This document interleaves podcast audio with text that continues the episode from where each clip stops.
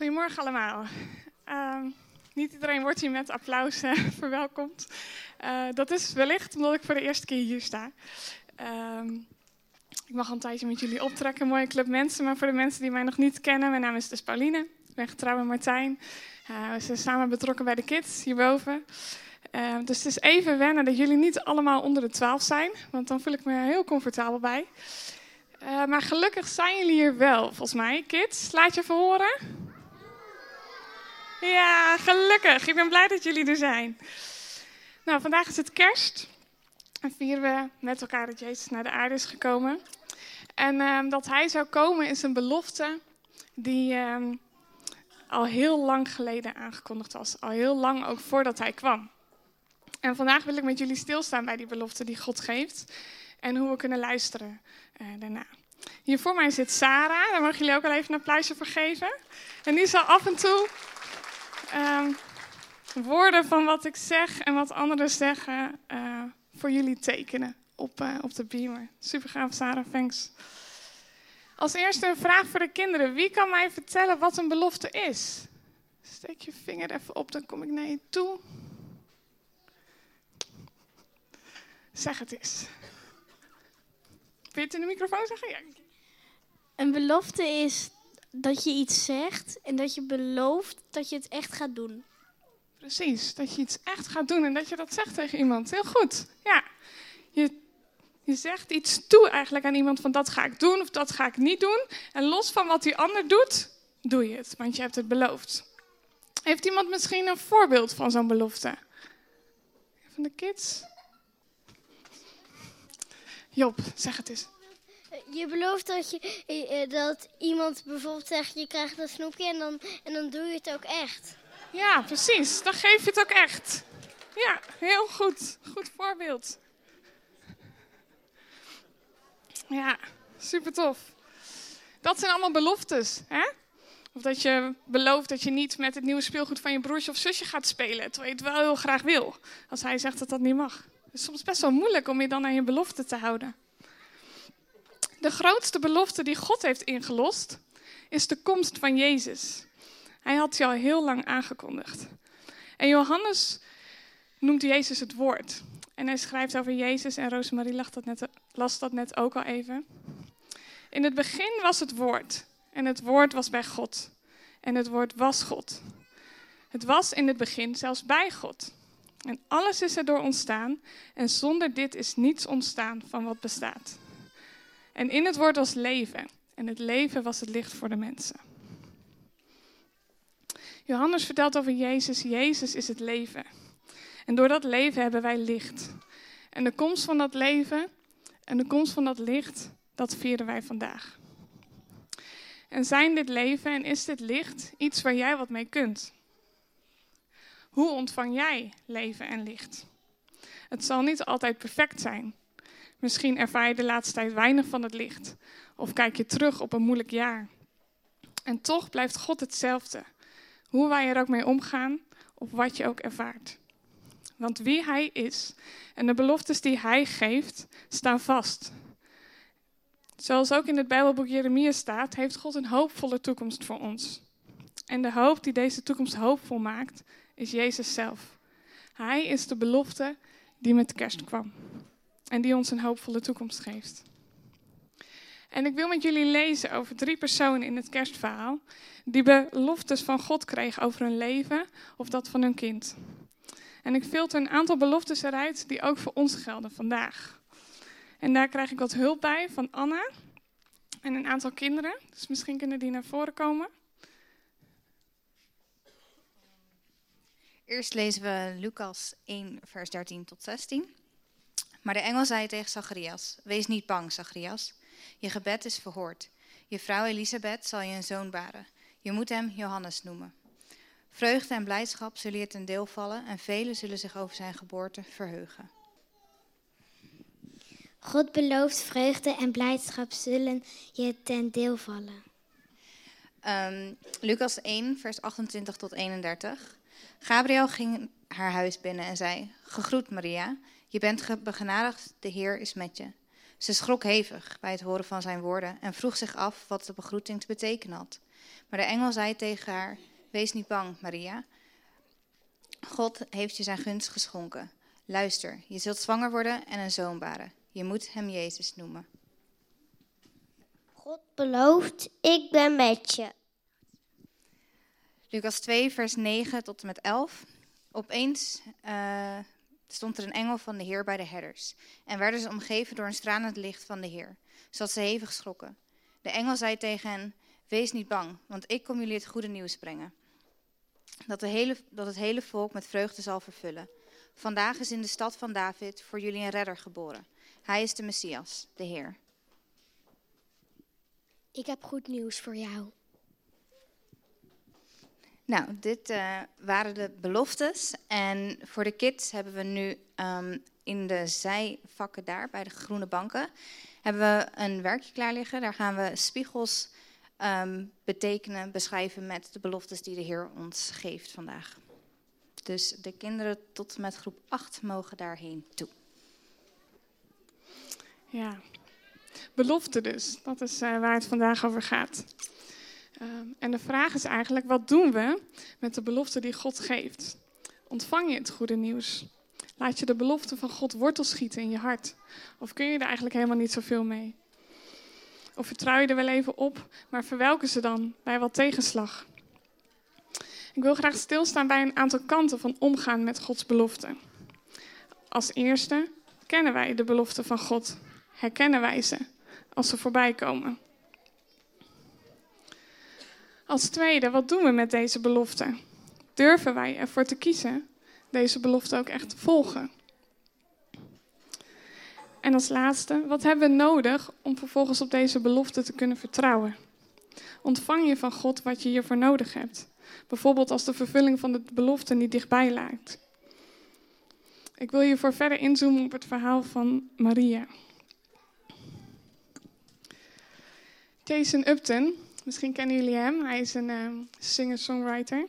Die zei eens: De dingen van de wereld die schreeuwen, maar Gods stem fluistert.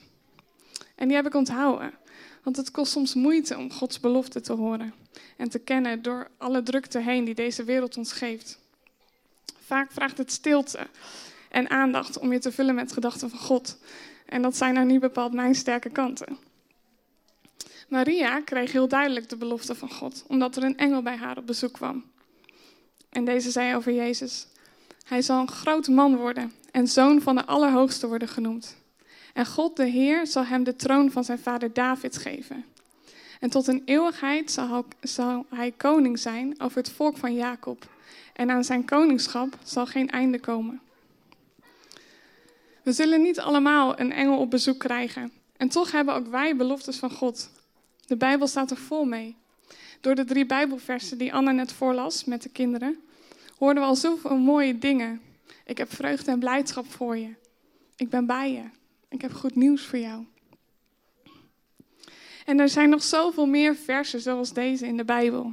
En het helpt als we deze versen kennen. Als we ze in onze gedachten kunnen hebben of als ze in onze gedachten kunnen komen als we ze nodig hebben. Als we de belofte van God nodig hebben. Maar kiezen er dan ook voor om deze belofte te volgen? In Lucas 2 gaat het verhaal verder.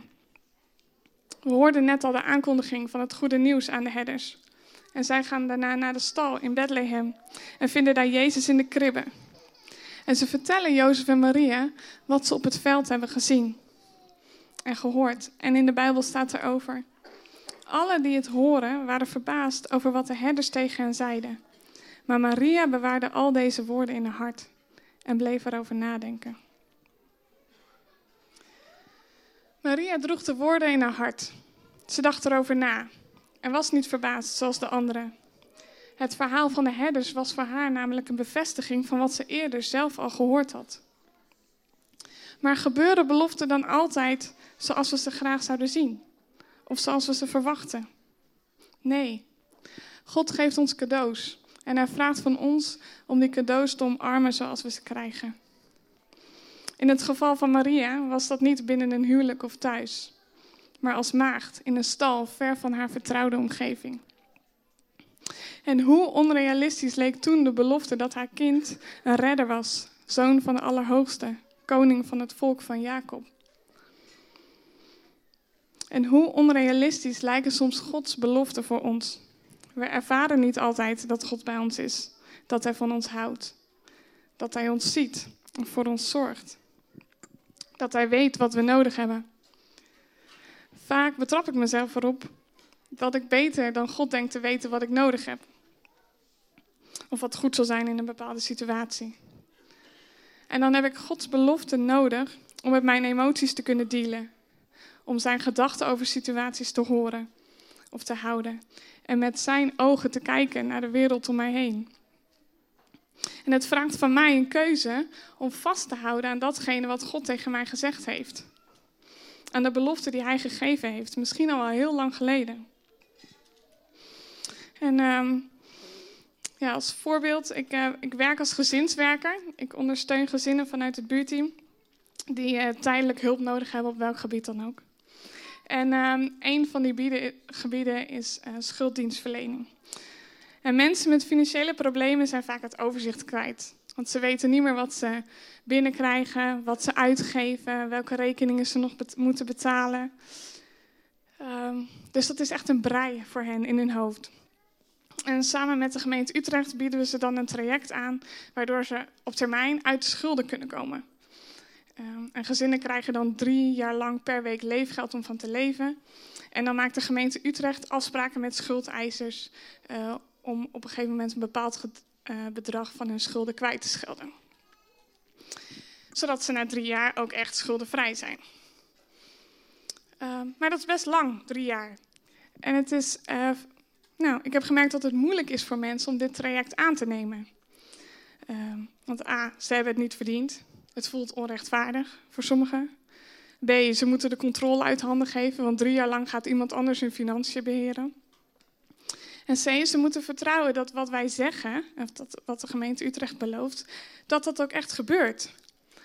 En het vraagt een keuze van hen om onze adviezen te volgen en vast te houden aan datgene wat we ze voorhouden of voorspiegelen. En om het niet meer zelf te willen beslissen, maar onze mening te horen. En dat als er een brief komt, niet gelijk te handelen, maar eerst met ons te overleggen wat nou slim is om te doen. En om te vertrouwen dat wat wij zeggen, dat wij weten uh, wat goed is om te doen op dat moment. En in het begin snapte ik eigenlijk helemaal niet zo goed waarom het nou zo lang duurde voordat zo'n traject kon starten. Want er gaat dan vaak een heel proces aan vooraf. Want als iemand je vertelt dat hij je problemen op kan lossen, dan doe je dat toch. Um, maar het is moeilijk om de manier waarop je dingen hebt gedaan om te gooien. Om te handelen tegen je eigen natuur in. Um, om vast te houden aan het grote plaatje in plaats van de moeilijkheden van elke dag. Het is een compleet andere manier van werken voor mensen. Maar het mooie is dat als zo'n traject eenmaal start, dat er dan rust komt. En dan zijn de schulden niet weg. Um, en ze hebben nog steeds dezelfde situatie. Ze hebben weinig te besteden. Mensen moeten soms naar de voedselbank. En toch is er rust. Omdat ze zich hebben overgegeven aan het plan. Omdat ze erop vertrouwen dat het goed komt. En dat het niet, misschien niet altijd makkelijk is, maar dat ze bij ons terecht kunnen als ze hulp nodig hebben. En dat geeft mensen houvast. En later begreep ik het pas. Het is eigenlijk net als met de belofte van God. Daar is ook vaak niet instantly een oplossing. Maar wel de belofte voor de lange termijn dat het goed komt. Dat Hij goed is. Wat er ook gebeurt. En dat we de belofte misschien niet altijd hebben verdiend, maar dat we ze toch mogen ontvangen. En hoe vaak vind ik het dan niet moeilijk om daaraan vast te houden? Ben ik gefocust op de moeilijkheden van elke dag in plaats van op het grote plaatje? Luister ik naar wat de wereld schreeuwt in plaats van naar God fluistert? Maar ik heb gemerkt dat God trouw is en dat Hij luistert en dat Hij er altijd voor me is. En wat hebben we dan nodig om dat te kunnen? In de Bijbel staat dat Maria schrikt van de komst van de engel. En toch zegt ze: Laat er met mij gebeuren wat u hebt gezegd. Ze kiest ervoor om te luisteren naar dat wat de engel zegt. En daaruit spreekt geloof. Maria was een jong meisje. Ze stond aan het begin van haar leven. Norman vertelde zondag dat ze waarschijnlijk tussen de 13 en 15 jaar oud was. En toch gelooft ze dat het waar is. Ze zegt namelijk: hoe zou dat dan gebeuren? Niet of het gebeurt, maar wanneer het dan gebeurt, op welke manier dan. En dit is anders bij de aankondiging van Johannes. Daar reageert Zacharias met: Hoe kan ik weten of dit waar is? Hij en zijn vrouw zijn al oud en hij kan de boodschap van de engel moeilijk geloven.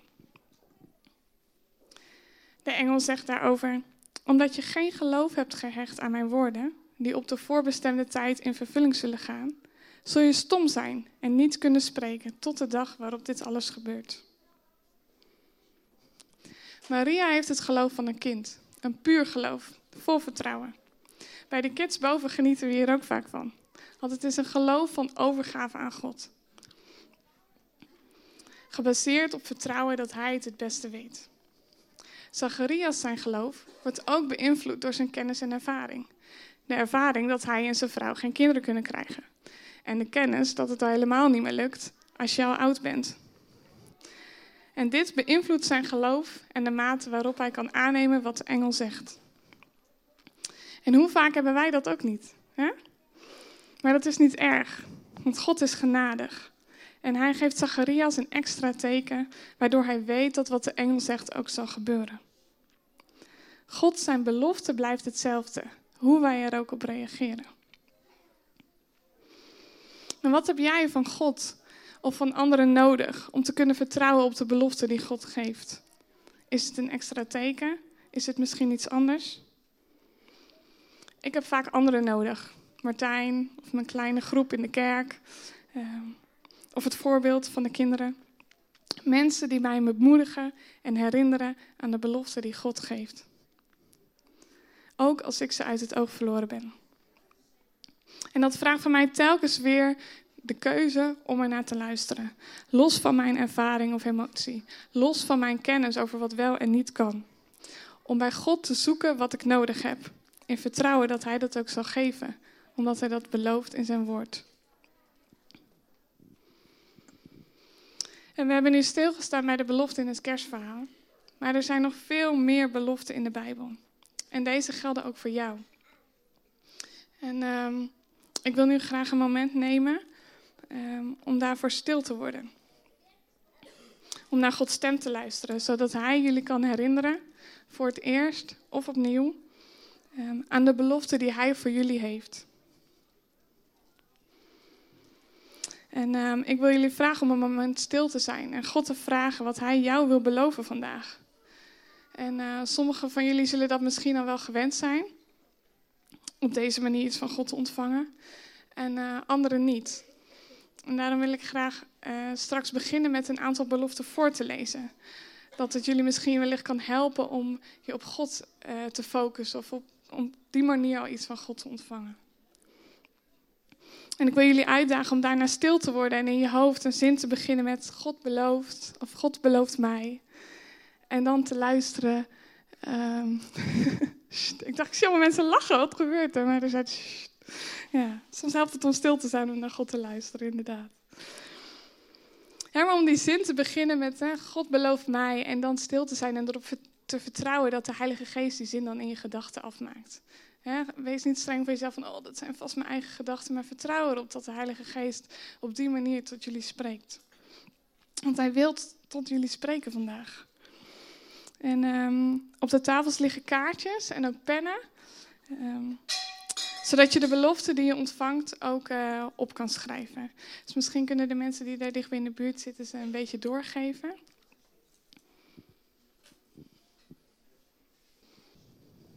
Zullen we stil worden? Ik zal even beginnen met een gebed en dan uh, zal ik de belofte voorlezen. En daarna een tijd stil zijn. Vader, ik dank u, Heer, dat u een God bent die belooft. Dat u een God bent die niet verandert. Dat u uh, doet wat u zegt. En dat we daarom mogen vertrouwen. Heer, en ik bid voor ons vanochtend dat u ons helpt om de belofte die u vandaag tot ons wil spreken, um, ook echt te ontvangen in ons hart, Heer. Kom, Heilige Geest. God belooft je bent mijn kind. God belooft, ik heb je gemaakt. God belooft, ik ben groot en geweldig in kracht.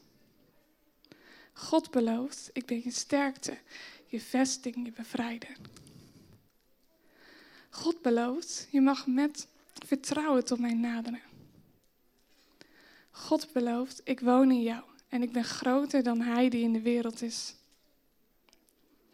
God belooft, ik ben bij machten oneindig veel meer te doen dan je bidt of beseft. God belooft, ik ben je beschermer. God belooft, ik ben bij je, vrees geen kwaad. God belooft, je kunt alle dingen doordat ik je kracht geef. God belooft, ik ben trouw. Ik zal trouw zijn en je vertrouwen ben ik. God belooft, ik ga voor je uit. Ik zal je leiden op de weg. God belooft, je kunt niet van mijn liefde worden gescheiden. God belooft, ik heb je bij je naam geroepen. Je bent van mij. God belooft, bij mij is de bron van het leven. God belooft, alles is mogelijk voor jou die gelooft.